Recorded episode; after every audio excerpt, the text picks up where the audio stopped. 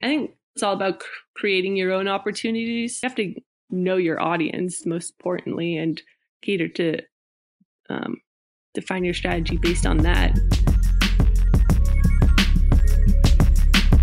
What's up, y'all? It is Shabazz Khan, Amara Baptist, Social on the Sidelines, presented by Front Office Sports with episodes brought to you by Team Infographics. This is episode 18. We got a good one for you. It's with Julie Phayer from The Ringer, formerly of the Warriors. What's up, Amara? Yo, what's good? I had a day off today, so I'm feeling pretty refreshed. It is 10:45 p.m. on a Thursday night. I just watched the Chargers beat the Chiefs. Shout out Megan Julian. Yeah. Um, so I'm feeling pretty good. Feeling pretty good. good. I, I'm jealous of the day off comment that that uh I'm I'm hating over here. I'm pretty excited. So, um, one of the the cool things about our work, and um, I, I think it's a rarity from what from what I'm aware, but our uh, our organization and our boss, um, we only have a certain amount of uh, PTO hours that carry o- over each year and uh, to, into the next year. And so, you know, our our boss is like, if you have any left over, feel free to use them. Nice. So I used some today. Good for good you. We all need time for our self-care. You feel me? Yes. And you know what I did today? What'd you do? I bought some Uggs and I bought a parka. I bought some Uggs and I bought a parka. Men's Uggs, not women's Uggs. I have a lot of questions. Um You- go ahead. I- I I mean, are you Tom Brady now? Like I don't understand. Yo, these are I look when Fern first told me to get some Uggs, I was questioning it. I was like, this ain't me. I wear Jordans. I just had my Concords, did a little photo shoot with my J's. I was like, I'm never gonna wear some Uggs. And then I put them on and I'm like, yo, this is the hype. I understand why y'all wear Uggs. I might even go and get one of those u- unicorn frappuccinos now. Because if y'all are wearing Uggs and hyping those up and y'all are hyping that up, I'm I'm with it.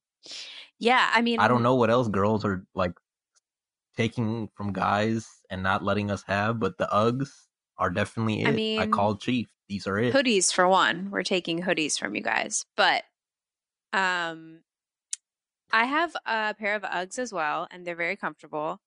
Um I haven't whipped them out yet Portland's not cold enough, but I'm excited for you. I want to see a photo shoot in them when when you when you bust those bad boys out. I am going to Boston tomorrow, and I guarantee you, I'm going to have some fire photos of the Uggs. So keep an eye on the IG because it's coming with the UGGs. Let's go. Sponsor me, Ice Cube. Sponsor me, Uggs. Sponsor us. Sponsor us, Uggs. What else? You got a real ugly co-host right here. I'm perfect for your brand, bro. I thought you just called me ugly, and I was about to disconnect. No, I said it. Me, me, me. Okay. Anyway, what else is You, new? you can get sponsored by whoever. what else is new Um, with you? You know what? Uh, Kanye West and Drake are in some sort of Twitter beef, which entails Drake not tweeting, but Kanye West tweeting every moment of every second. Um, so that's new. The Timberwolves uh were playing really well, and then we played the Trailblazers and we lost. And I don't like Amara anymore. Um, what else? Well, um, what else is going on? I went back to Memphis last Yeah, night. going to Boston. Boz. Oh yeah, how was that? It was really fun. I mean, obviously, I wish we would have won the game, but it was so cool. I bet, like, I feel, I bet you felt the same way going back to SAC for the first time after starting with the Timberwolves. But it's a super weird feeling because you're seeing all your people, and like, it was so cool. The coaches and the players were so nice, and it was, it was a really overwhelming but fun time. But it was very odd. How did you feel when you went back for the first time? I'm not gonna lie to you. Uh, the first time I went to SAC, um, after I went back or came back to Minneapolis, I wanted us to beat SAC. So no, bad. same. No, same. I, I, I, I like, I literally wanted us to win so bad.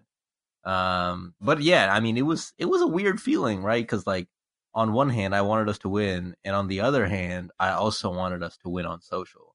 So funny story with that that probably people uh, don't necessarily know, but the first time that we played the Kings after I started was like two or three weeks afterwards, and it was uh, one of two tweets that uh, I uh, I took down because I went a little bit hard at I, went a little bit overboard. Um, so what had happened was uh, we beat the Kings last year, and their record was 17 and 38. And so I remember I decided this. to put Fetty Wap's Trap Queen in the background where he's saying 17 and 38, and then I zoomed in on the record, and uh, I quickly realized that was uh, probably not the best idea. I just wanted to to have some revenge uh, and fun and uh, probably not the best idea from a brand account. So there's one of your learnings on social the sidelines. Do not uh, take your personal yep. Uh, goals onto the account when you're in the heat of the moment because that's a bad idea. Yeah, I mean, but you heard it here. I feel like same thing kind of happened last night. Like we were, you know, Blazers were playing super well. It was I was very stressed out. It was a very physical, close game. I actually got caught on camera um making this really uh, bad face at the refs for a really bad call. And I was definitely behind our coach making this face and whatever. That's a side note. But um the Grizzlies tweeted Mike time, you know, as a play on Dame time. And when I tell you I was heated, Boz, I was heated. But there's not much you can do. So you just take the L in stride and we'll get them next time, you know? Yeah. And and uh your time will come. Your time will come. Yeah. Because in the same way, we uh we've lost to the Kings both times we played this year. And the first game, my wife decided to root for both teams. and now yesterday she was solely rooting for the Kings, which made for a very unpleasant experience for the me. The Kings? I was trying to work the game. She was rooting for the Kings. Huh. Yes, please slander her. She works for the Timberwolves and was rooting for the Kings yesterday. Yikes. And wasn't rooting for both, which I was okay with the first time. But yeah, I was like, if you're gonna watch the game, while I'm working and you're cheering for the other team. It's going to be a bad night because you're going to lose. And then we lost. So it wasn't a bad night for her. Ah, sports. Am I right? And then my guy Jason Wise and team decided to just go savage on the Wolves. So I'll have my time. Yeah, we I'll just got to take L's in stride and, you know, things always come full circle. And so today on the pod, because we are rambling right now, um, we have Julie Phayer. Um, I'm sure most of you know her from the Warriors. She's now at the Ringer in Los Angeles, and it was a cool conversation to hear her journey and um, you know hear what made her make the move to LA. Um, it was fun. Yeah, no, it was it was really cool. We talked about um, a few different things, ranging from uh, what led to the change from the Warriors to the Ringer, um, how she got into it, obviously as we always do, and then especially with the Warriors hitting the highest of highs and somewhat the lowest of lows. Not really from a winning standpoint, but obviously the three one thing happened, and then right after that they get KD, so you're back on the super high note. Um, and you win a few championships. How do you change strategy based on that?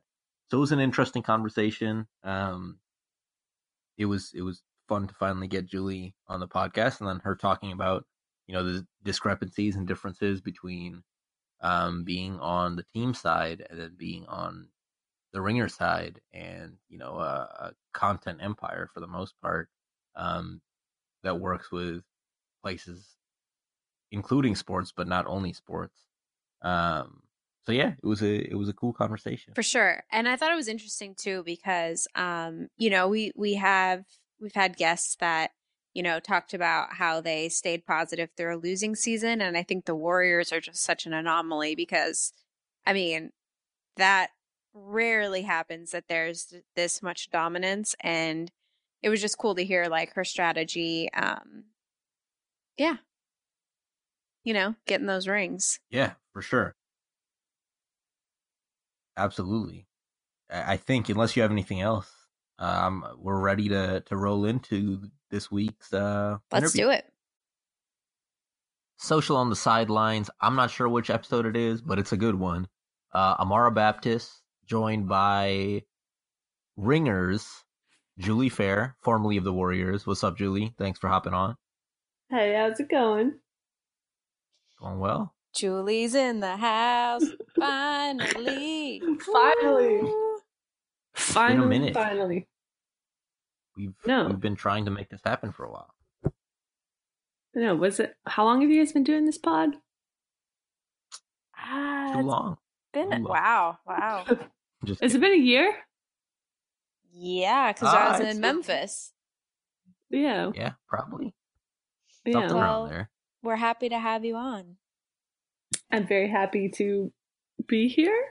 Is that how, is that pod talk? Be here since we're all in different places. Yes, you're very I don't know. happy to. Call Either way, I'm happy to talk to you. What- Likewise. That's what I'm trying to get at. So basically, the rundown of show, we will start by having you tell the people your journey to why you're at Ringer now, how you got to being the social media manager for the Warriors, um, and some of your past work, kind of how you got to where you were at, what it was like. Um, and yeah, feel free to take it away. All right. Um, so I went to Chico State and I studied event management because I wanted to be an event planner. Like, but I always wanted to be in the sports world still. Like, I was kind of picturing myself working, you know, like the NCAA tournament, March Madness, like big sports events. But then after doing a few event classes and all the required like volunteering event, I was like, nah, this isn't it. Like, this isn't for me um, but I knew I always wanted to work in sports, so I started uh, picked up a minor in marketing and uh, worked at like our campus bookstore doing digital marketing there, and that's when social was you know tr- starting to pick up on the brand and business side. So I was kind of just learning that by just jumping straight into it. I realized that's what I like doing. So like after graduation, it took me six months to find a job.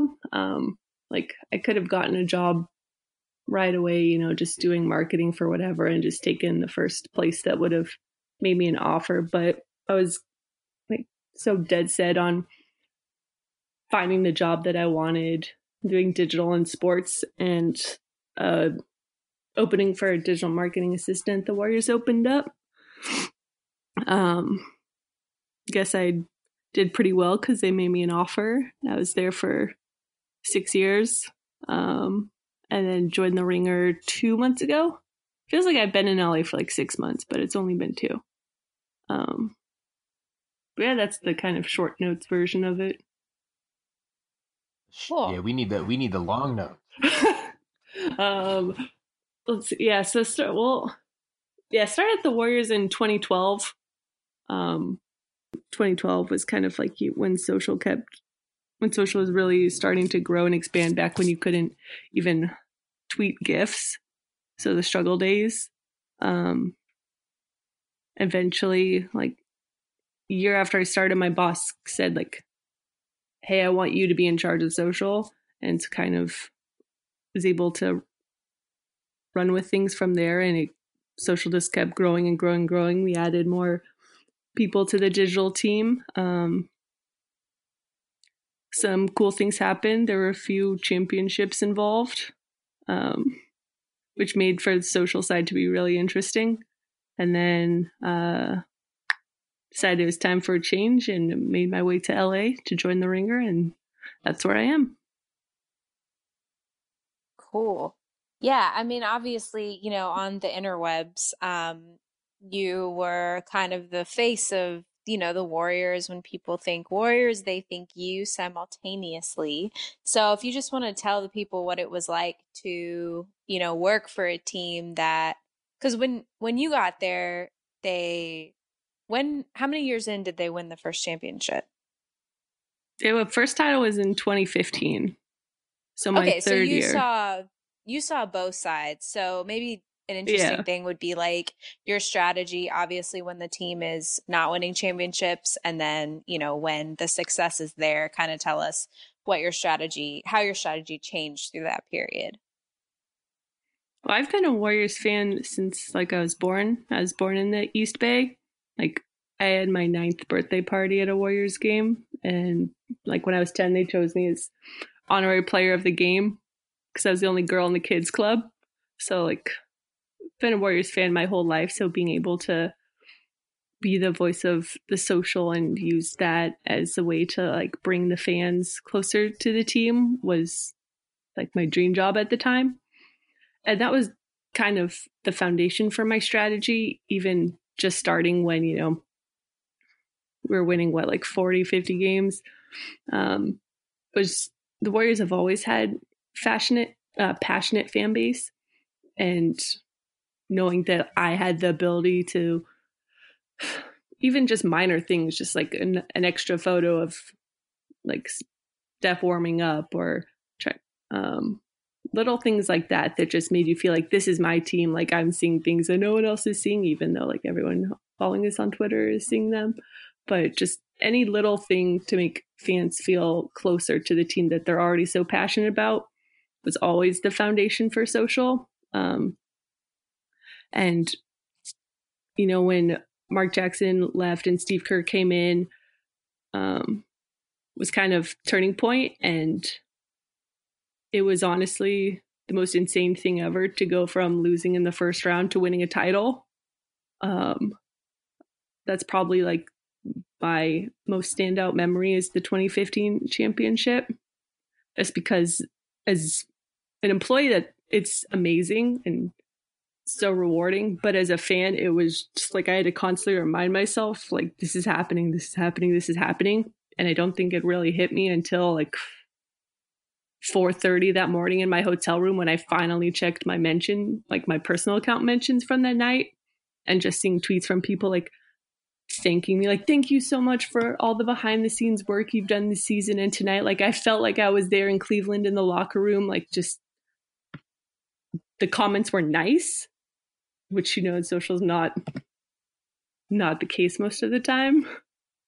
So like that just um that was one of the most rewarding feelings is bring being able to share everything that I was able to see as a fan in a professional way that made fans all over the country, all over the world feel like they were in Cleveland in the locker room throwing champagne with the rest of um, their favorite team. For Cool. sure. Uh, so building off that, I know you probably didn't expect to talk about it, but I'm gonna make you talk about it. So 2016 obviously was a lot different heading into the finals, and then right after that, obviously news came out that you guys got KD. Talk about those two extremes. Like you go from the highest of highs in 2015. What do you do from a social aspect when something happens like the 3-1 series, and then right after that? despite that being pretty tough, you also end up getting KD um, two months after that in a superstar player. Like, how does the strategy change? What do you do on social from that perspective? And, you know, how do you deal with the highs and the lows of those two extremes? Well, the 2016 season was like quote unquote magical, like, you know, starting 24, 24 and 0. Um, Steph's unanimous MVP. Like everything was just going perfectly for for us. Like it was just. I remember there were like weeks where I just wouldn't sleep because there was so much good stuff, so much good hashtag content going on. Um, and heading into the finals, it was just like trying to keep it positive without being too like cheesy, you know? Like trying to let fans know like um keep the energy up and positive, but you also know that there's some like what the hell is going on kind of stuff once things um game 5 happened and you know Draymond was out, things were starting to get like pretty feisty on social. Like Warriors and Cavs fans really love going at each other. Um and Cavs fans love trolling us. Uh, but then like, you know, game seven happened. Um, and I still haven't seen like a good chunk, the majority of the last three minutes of that game because I was running down from the media seat to get um on the court just in case like, you know, hoping we would win you could run on the court, capture all the good stuff, you know? So I still haven't seen a chunk of the last three minutes, and I probably won't for a while. But now people are probably going to read this and just put it in my mentions anyway. So it's inevitable. But like those last 10 seconds, not knowing what's going to happen and not knowing which way to take things, like you always have to prepare for the unfavorable unfavorable outcome, which I don't like because I always feel like I'm jinxing it. Like preparing the copy you're going to send out.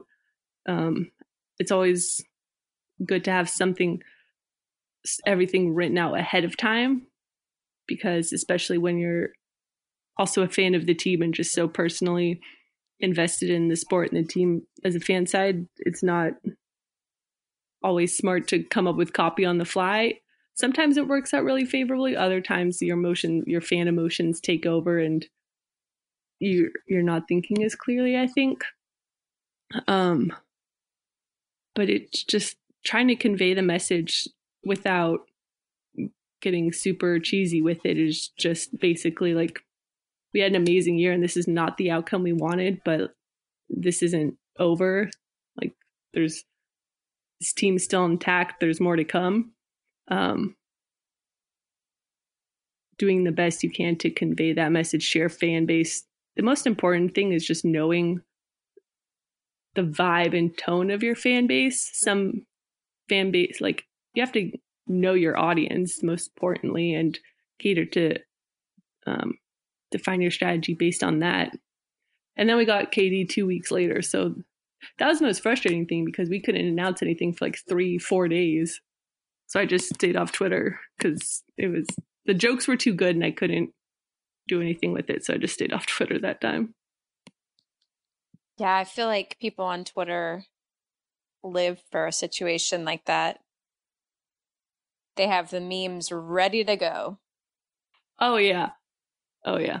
Um oh yeah, I kind of just glossed over the whole like 3-1 reacting to the 3-1 thing and went to Kevin cuz it's kind of been just um, shoot, I don't even really remember. Like, it just sucked. Like straight out, just sucked for everyone. Um, and that that was a definite time to not check the mentions, just because there was nothing worth reading in there. Um, and pretty much all you can do is just say like we had a great season. There were so many highlights but I didn't want to go heavy with the season review or like check out top moments from the season because the like way in which the team we lost was just so like a punch in the gut that I didn't even like want to see any of the good stuff because it's just like this hurts way too much. And it, from from seeing the rea- like reactions from our fans on social felt like they all felt the same way. So just kept the like look back on the season highlights to a minimum. Like just you got to read the room. And sure. the room was very the room was very like how the hell did that happen? Um but then Kevin signed and obviously things picked up a little bit after that. Yeah, definitely. Um so moving to the present, um you now work at the Ringer in LA. So you moved from the Bay to LA, or did you live in Oakland? I don't know. Yeah, I lived you in moved Oakland. from Sarah. Okay, Oakland to LA, um, which I have. This is kind of a two part question. So, what made you decide? You know, kind of this is I'm going to move on, move to a different thing. You had a great time at the Warriors. Now you're literally picking up your life and moving. And what made you choose the Ringer? Shout out Pat Muldowney. yeah. Um, I was there for almost six years. Like, um, five years, 10 months or something. So I'm just rounding up. But, and it was a great time there. Like it was my very, it's my first job out of college, first job in um, sports, social, like, and being able to experience everything that I did during that time. Like, first of all, just working with the quality players that we did, the nicest, most kind people, coaching staff, trainers, everyone. Was just so easy to work with and made my job so easy and enjoyable and being able to like witness three championships like travel to all the cities meet so many awesome people like you guys. Like those are memories and things that I hold so very dear to me. But I also professionally just felt very limited and cre- and I wanted more creative freedom.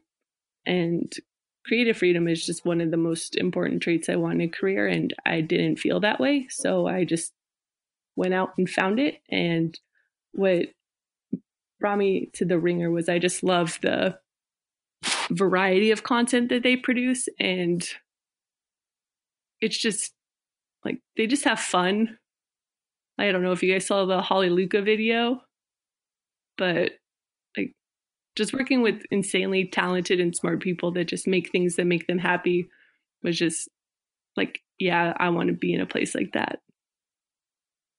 And so far, it's been really, it's been really enjoyable, and I'm uh, really happy here. Awesome. It's good to hear. Just want to take a quick moment to let you guys know that today's episode, as always, is supported by the University of Miami's online graduate sport administration program. It's a top ranked graduate program with a highly respected reputation among employers, and it's designed with your schedule in mind with the flexibility needed for professionals looking to break into or advance in the sports industry. Be sure to check them out at miami.edu slash online. Uh, so you talked a little bit about creative freedom. How much of that is attributed to the fact that you know, as much as it may seem that it was a content gold mine, to have KD come there from an access standpoint, I'm assuming it went down a lot more because you already had three superstars, um, or near superstars in Draymond, Clay, and Steph, um, you know, in those early years, and then you add a fourth to the mix, and now it's like everything is amplified times twenty, which means internally your content, you know, availability with these guys goes down a bit. How did that kind of impact things, and did that contribute, you would say, to the creative freedom as well, just because there was a lot more of an expectation to win with the team? Well, the main priority was like, you know, since 20, 2015 season, um, Anthony Slater actually just had a really good piece on the uh, 2016 24 0 start because that road, that whole run and beginning of that season was when the national attention and fan uh, increase at road games like really picked up. Like that was when road arenas were opening their doors an hour early because people wanted to see Steph warm up. Like that's when things kind of went to a whole nother level. And just every single year, the attention on the on the team has just increased over and over and over. And they're always have media requests, interview requests. There's always, you know, fans asking for autographs or pictures. There's always cameras in their faces. Like the amount of media that would come to Christmas games, the finals, like there's just always people pulling them in different directions for their time, attention, photos. Like, hey, can you take a shout out video for my kid? Just so many different asks that um internally, you know, we wanted to like lessen that for them and give them a space like where they can just focus on basketball and what they're like give them some time to like room to breathe um so you know that is a completely understandable and the right way to handle the situation when you have so much attention on the team. But the downside of that was that did take a hit on like our content and access but it's kind of hard to be mad at that when you know like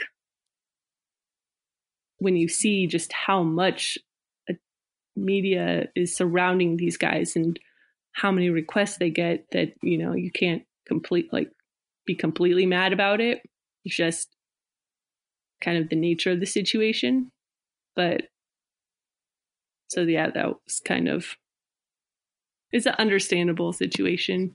Just so yeah, access was a little lim- as limited. For sure. Um, so when it comes to the ringer, when you're starting out there, uh, from a creative standpoint specifically, what do you see as the biggest uh, differences? Not necessarily in terms of the freedom, but just the overall direction, because you're going from promoting one team to an entire, uh, you know, website slash content domain that's housing not only the NBA but different sports. Um, a lot of the focus is around the content producers, where you have network and a few of those others guys in, in, involved there, and, and girls as well um, that do some really great stuff. How does it change when you go from promoting, you know, a worldwide known team to now a worldwide known enter- entertainment content brand? Oh yeah, going from a team to a publisher has been a very huge transition. Um, but it's been it's been one of the best challenges is to just the approach to everything is just so different and like the amount of um, content being pushed out every day is such a high volume but it's also also high quality so like the biggest um challenge so far for me is just seeing so many good pieces come out, whether that's editorial or video or podcast, and like reading something and saying, "Oh my god, this is so good," and wanting to give it the attention it deserves.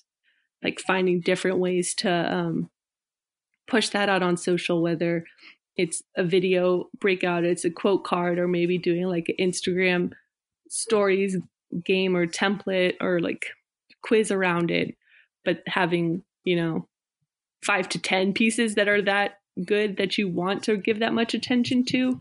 Like, so that's been the biggest challenge for me is um, having such so much good content to push out and not um, finding the best ways to distribute everything in the most creative and engaging ways, but kind of managing time so you don't because I tend to fall into like rabbit holes of time, like fall into a rabbit hole of focusing on one thing for too long. So make sure I divide my time up to not get too stuck on one thing so that I can push out as much different content in u- unique social ways for as many pieces as possible. For sure. Um, okay, like, so that's oh, sorry, my bad. Oh no, no, Continue. no. Oh no, and like it's not just sports now. Like it's all entertainment, tech, politics, culture, music. Like it's all types of content. So it's not just sports, which is like been a really um good breath of fresh air for me. That's really fun. Like, yeah. Yeah, I love I'm the only stuff the ringer puts out. Uh, oh. There's only like two other Warrior fans there, which is a huge, huge difference. Like everyone is Knicks. There's Knicks fans, like Pass a Thunder fan. I think there's a there's a Wolves. really. I think there. Oh yeah, there's. I think there's a Wolves fan.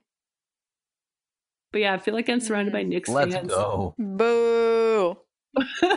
there's a couple Wolves fans. I think Haley and Meg Schuster. Oh yeah, yeah. Um, they're in the editor. We're in different buildings on the lot. Um, but I think one of our video guys Y'all are lovely. Oh yeah. Oh yeah. That's the other thing. Like working on a Hollywood studio lot is crazy. That's awesome. But um, so thus far in your career, what is your favorite memory, not championship related? Oh, because no. I feel like that's the obvious answer.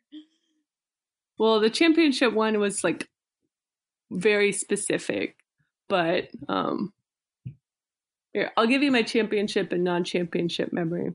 The championship Perfect. one is from 2015 um, in the locker room, hearing Shaun Livingston reflect on the season and winning a title because of, you know, his whole history, like almost losing his leg from that horrific injury to just all you know traveling through the league and all the different teams and then landing here and being able to be a vet and a leadership voice for these guys and winning a title when you know he was told he may never play basketball may never walk again that like watching that that video um i don't know if there's video of him in the locker room but there's video of him at the podium talking about it like that always makes me cry. That was um, so that's like my favorite championship related memory um, just because hearing him talk about it just like really made you stop and think of everything these guys have put in on this journey to win a championship and made you reflect on everything that happened in the season like all the work that you've put in because you guys know like we are constantly working and challenges that I face challenges that only people who work in social and sports like will understand. Like the, people on the outside they just seem like silly rants or you know like it just seems stuff silly stuff to complain about but you know once you're in it it makes a whole lot more sense. Um yeah. so shaun's shaun's talk like just really really was just inspirational and very passionate and meaningful and that's my favorite championship memory. Um, my favorite non-championship memory i don't know actually. Um it's a pretty good one the championship I, one i think it wasn't a good memory but um it just is the first one that sticks out but i got yelled at over a tweet by a player a tweet that I didn't even send. Ooh, do tell. um, Spill the was, tea. You gotta do it. You gotta do it. I think it was in like 2013 or 14, maybe. Um, but yeah, I was in the back tunnel before the game when the players settle up, you know, run on the court. So I was back there getting video, and one of the players just turns and looks at me and goes, That was a great tweet. NBA vote for Kevin Durant. That was great stuff. And I was just like, Huh? I just like looked behind me. I was like, is he talking to me? It's like I didn't send like I knew what tweet he was talking about. I was like, I didn't send that, but I didn't say anything because I was just like I was still getting used to being around the players at the time, and they're like about to get ready for a game, and he's pretty much just calling me out in front of everybody. So I kind of just like gave him that like shrug, like I just gave him a shrug and like a whelp look, and just kept it moving. but uh, that that definitely sticks out, and it's kind of funny uh, looking back on that now. Now that Kevin Durant is on the team, and I had to do a bunch of NBA vote tweets for Kevin Durant. So I mean, I guess it all worked wait, out. Wait, I'm confused. So it, um, it was the tweet was like we had played Kevin Durant, and you know he always like would always just drop forty on us every time we played him. But he had uh-huh. a crazy he had a crazy line. It was like 44 points, like 90% shooting, just like perfect shooting performance. Like it was just crazy. So my coworker did just like after a performance like that, like gotta give respect where it's due, like with the stat line and like oh, Kevin Durant. Gotcha, gotcha, gotcha. Kevin Durant and NBA vote. So it was an NBA vote tweet for an an opponent, and so this player oh. was upset about it and that let me know. More sense. I got you. Yeah. sorry, sorry, sorry, sorry. Are you gonna Are you gonna approve or deny if I guess who this player is? Um, it's okay if you say no. Uh, no, I'll. Uh, yeah, I mean, if you guess, maybe, maybe I don't know, maybe. I get three guesses. Deal. All right. All right. I'm gonna start with Draymond. No. Damn it. Um, Amara, you want one of my guesses? Go for it. Yeah, I'm gonna say Iggy. No, no. Damn it. Oh man, I know a last life here. Um, no, I'm gonna go on a wild guess and say Shaun Livingston. No, Ooh, good one. Well, oh, we failed okay. social on the sidelines. Sorry, fans. We failed you. Someone will figure. Someone will figure it out. Okay, tweet us your guesses. yeah. Um, Have you guys ever had that happen? Has like a player ever come to you like, oh, why did you post this? no. I have I have a wild, wild story. Oh. Tell us. When I was an intern, actually. So I'm not gonna say who the player was, but there was a player. I was an intern. It was probably my first week at the Timberwolves, and um, I was in my director's office, and um, a player came in and yelled at my director uh, because there was a fake Instagram profile of his out there, and um, my director's like, "All right, you know, I'll I'll send it to Instagram. I'll let them know." And he's like, "No, you need to do this now in a much more vulgar way." Oh. And uh, What was the profile posting like bad stuff? no, it was just a, one of those It's just fake. yeah. No, it was just fake. This is like 2014, 2015, I want to say. Um, but yeah, that's where I'll leave it at. But that was the craziest thing I've ever. I've actually, besides that, I've never seen a player actually on Mm. on the other end of things. I have seen players literally come up to our team and be like, "This is hilarious. This is a good job." Like in the locker room, which is fun to see. Um, Yeah, there was a. We actually, no one's said anything bad to me yet. Hopefully, never. But the other night, one of our uh, one of our guys had like a really good game, and he told me at a, at an event yesterday. He's like, all that posting about me and all the love was like really overwhelming, and I didn't like it. I was like, well, then don't have a good game. I don't know what to tell you. oh, but it was kind of Yeah. cute. um wasn't isn't it weird when like players um like call out social managers in the media like Enes Kanter saying like the Hawks person is a high Yikes. schooler I was like oh like and it wasn't it it was a few years. was it someone on the Grizzlies called out the- um Fino for the didn't lose by 50 tweet or something yes, yes, I don't remember who, but it was somebody on the Grizzlies. something Uh-oh. yeah like oh remember that Amara. Crazy. so yeah Rajon Rondo once. I used to post about him a lot, and um, it was like the first year I was there, I think, in Sacramento, and then Demarcus and Rudy Gay were in the tunnel before uh before the game started, and Demarcus is obviously joking around, but they made it look like they were serious, and they're like, "Yeah, so we don't get no love, but you keep posting Rondo highlights, huh? You don't even need to take pictures of us." Because I was taking a picture of them in the huddle, and they were like, "Nah." Everyone clear out. Just let him take a picture of Rondo. Yep. That's who he wants to post. I've gotten that before oh, with Oh, Dame. oh yeah But that's mm. when you know like you've built a good relationship with them. Like that's that's the sign that Right. you have like you have a good relationship with someone when they roast you and talk shit to you. Like that's when you know you're For like sure. we're officially cool. If you can say that kind of shit to me, like okay, we're good. For Which sure. um yeah. Well, I guess the last thing, uh, Boz, what do you think? Should we do advice for youngins that are listening or people who may be wanting to leave a job? And, you know, what's your advice to them?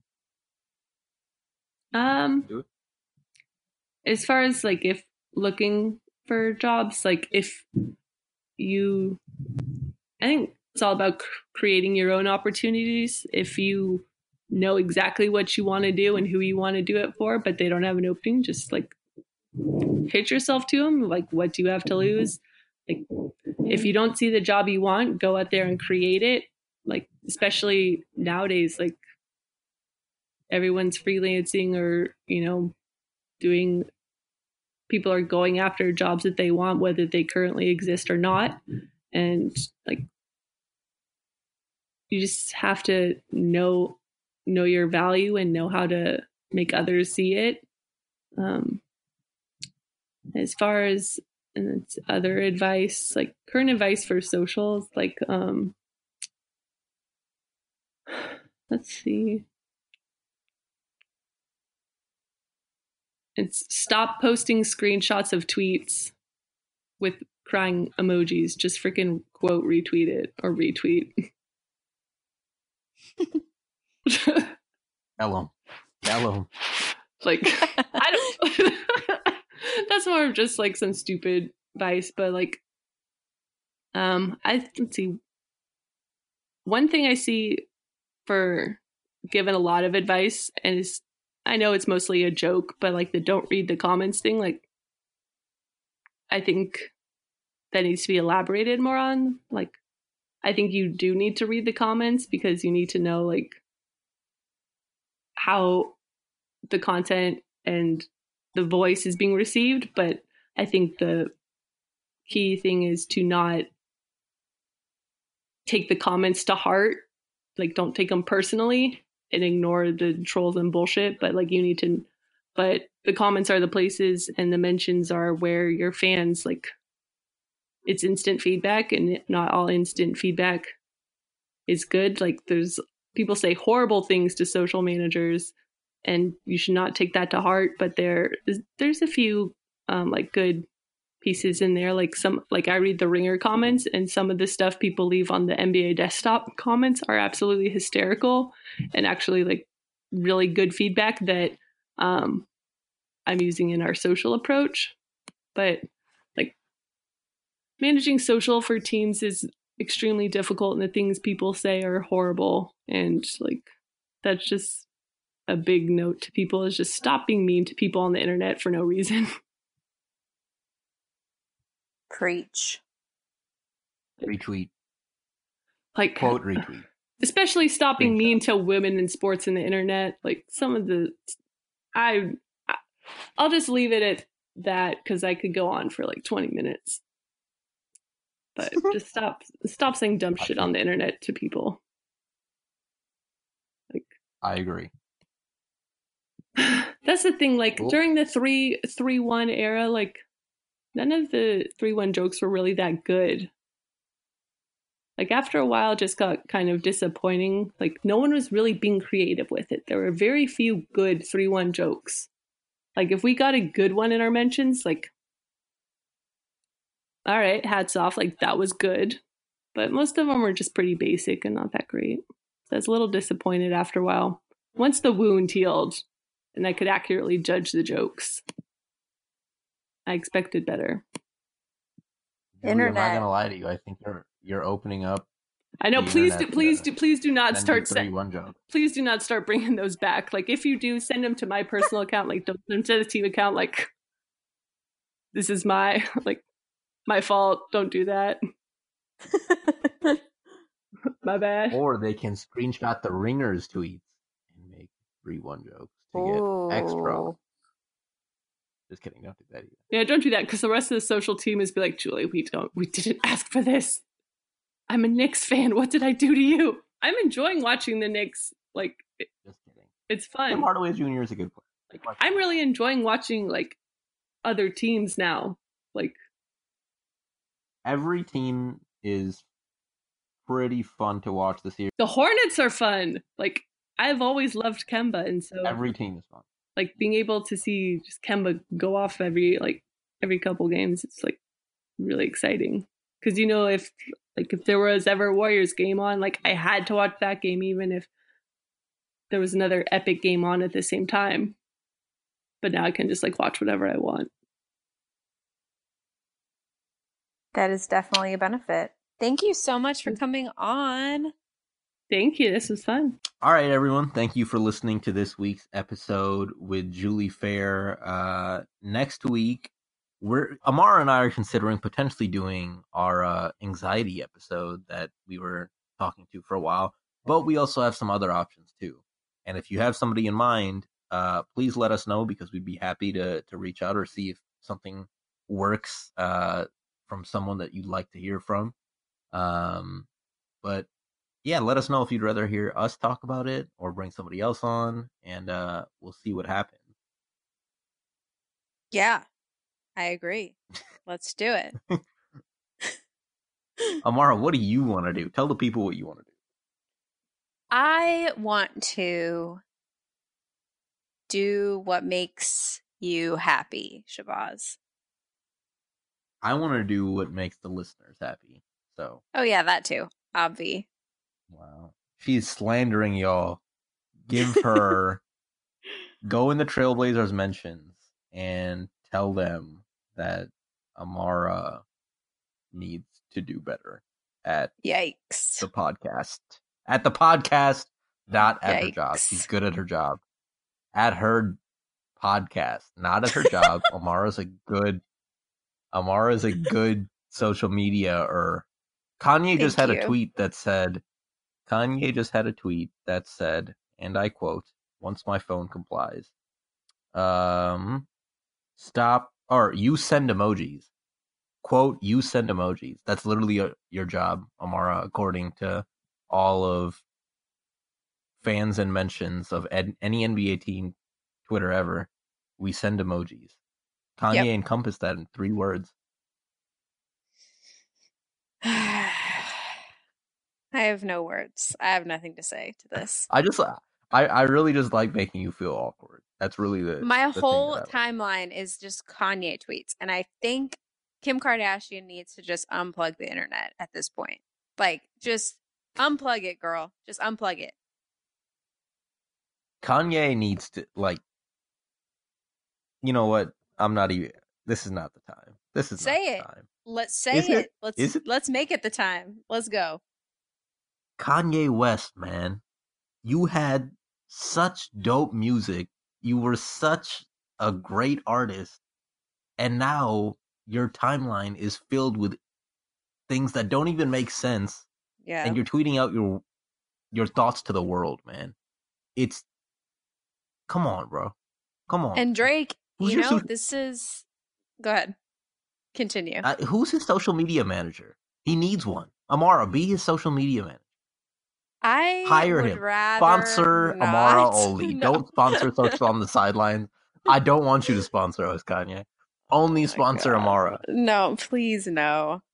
Um, I feel like this is an accurate time to bring up uh, Drake's infamous words: "Trigger fingers turn to Twitter fingers." This is what's happening right now. He literally got him that mad. He's big mad. He's big mad. He's not little mad. He's big mad. You know, okay. Uh, oh, uh, you know, before we end this episode, because if anyone is listening to this at this point of us talking about Kanye West Twitter, we might have something valuable to talk about. And I know we talked about it in the past, but I'm going to bring it up again. You're what, six months into the new gig now? Three months? Yep. Four months? Yeah. Six months. Six months? Okay. All right.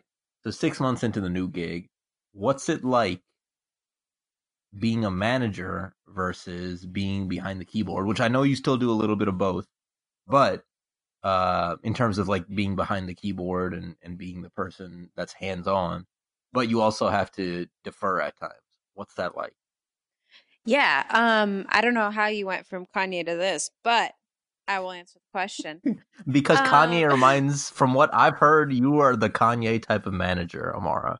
According to your I don't know what staff, that means. Aaron has told me that you're the Kanye type of manager. I'm just kidding. I think I'm offended. Um, well, I'm still pretty hands-on currently. Um, we do have a bigger team in Portland though, and that's been really, really helpful with stuff that I need on the fly, like um, triple double graphic or you know 50 point game graphic.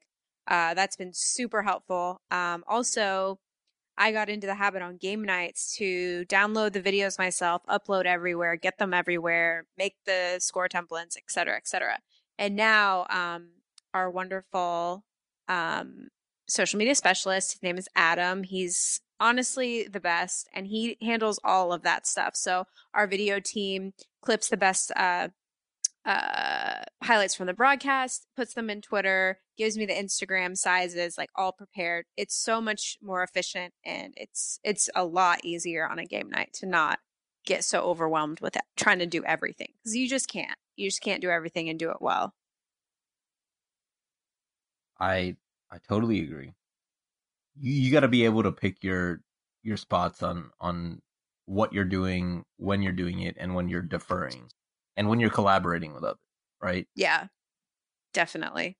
Which which is a it's uh it's something you got to get used to. I I can't lie, like um especially tweeting the game yesterday. That was the first game like I have covered, covered, not from a photo standpoint, but like behind the keyboard in months. And it's like the one thing people uh, probably don't realize or think about, but like I honestly not doing it for a few months, it's like when you're not doing it for that long, you have to kind of get yourself back into a groove. Like it's kind of totally. weird to say, but like I literally totally. felt like I I mean I play basketball for real. I'm not I'm not NBA or G League level obviously, but like you need to get yourself back into a groove if you haven't played in a while. It's just like that with like covering a game. I I kid you not.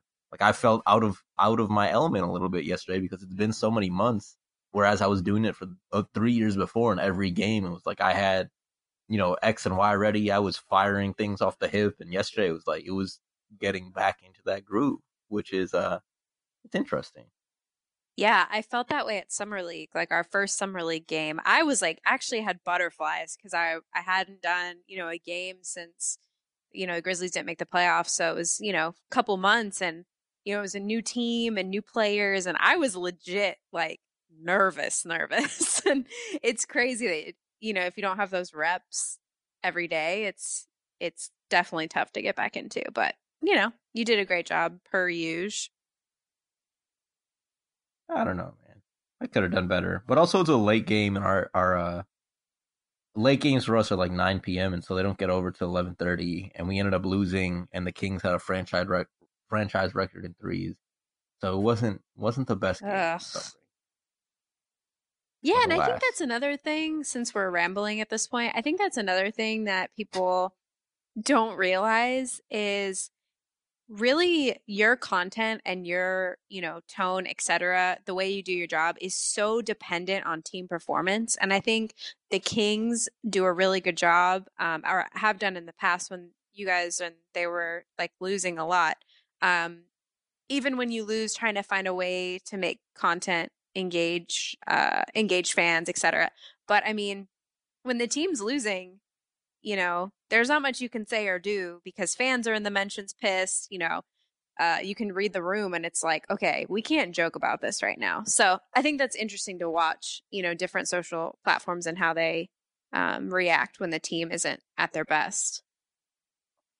Yeah, that's actually, I mean, it, it's a great point because, you know, conversely, there's there's teams when you're having fun or when you're winning where you're not really able to have as much fun based on historical performances as well either right? Like i know a lot of teams um in other leagues as well but let's say like the patriots or whoever it may be I, i'm assuming i'm making a huge assumption here but i'm assuming because of the on the opposite spectrum of that they've won so much that they're not necessarily yeah. they don't have that buy-in to say that okay let's have a little bit more fun than usual. And I think that's something that's it's it's kind of like the double edged sword, right? Because like if you've done that the entire time, there's going to be an expectation that you never, uh, you you never really fall into another realm of the fun, joking, poking fun at other teams side of social. And then on the losing side of it, there's also the thought that you know how do you how do you do that, but then continue to stay classy because there's going to be a time when you do win and you can't necessarily fall to that. And so right. one interesting thing that, you know, I I really enjoy looking at is how teams are are dealing with that because like you said, I think when we were at the Kings, we we did a really good job despite losing. We were making headlines from a social standpoint because of some of the fun stuff that we were able to do. But now on the opposite spectrum, they're not losing anymore and they're winning, but they're still finding ways to engage in a way that makes sense. So I think the most important thing is getting that buy-in uh, from from your executive team, from the leadership to say that you know whether you're winning or losing, you have a strong uh, tone and voice and, and kind of social guideline to abide by, so that it's not overly dictated by performance, but you have kind of a rough estimate of what the brand strategy is that you can kind of adhere to how the team is doing. For sure. And it's tough too, because when you know, I think with the Kings, like there wasn't a lot of expectation for them in past years to win. So it made it easier for the fan right. base to kind of digest, you know, not laughing after losses, but like making light of loss, like even in the in the face of a loss you're still making light of the situation but when other franchises you know who are expected to win it's a tough balance because you you can't you have to read the room of fans if fans are pissed that the team's underperforming i mean to make light of it probably wouldn't go over well so it's just an interesting uh balance to kind of try and uh, handle Absolutely. All right. Um, we're gonna save the rest of our thoughts and advice for the next episode, or we're gonna run out of social on the sidelines episode. So, true uh, with that being said, uh, appreciate everyone listening again to episode 18, maybe 19. I think it's 18. Did I say 18? i think so yeah Okay, episode 18. Social on the Sidelines presented by Front Office Sports. Uh, make sure to check out our friends over at Team Infographics. Um, they're found where, Amara? On twitter at team infographs or team at infographics.com Thanks, y'all.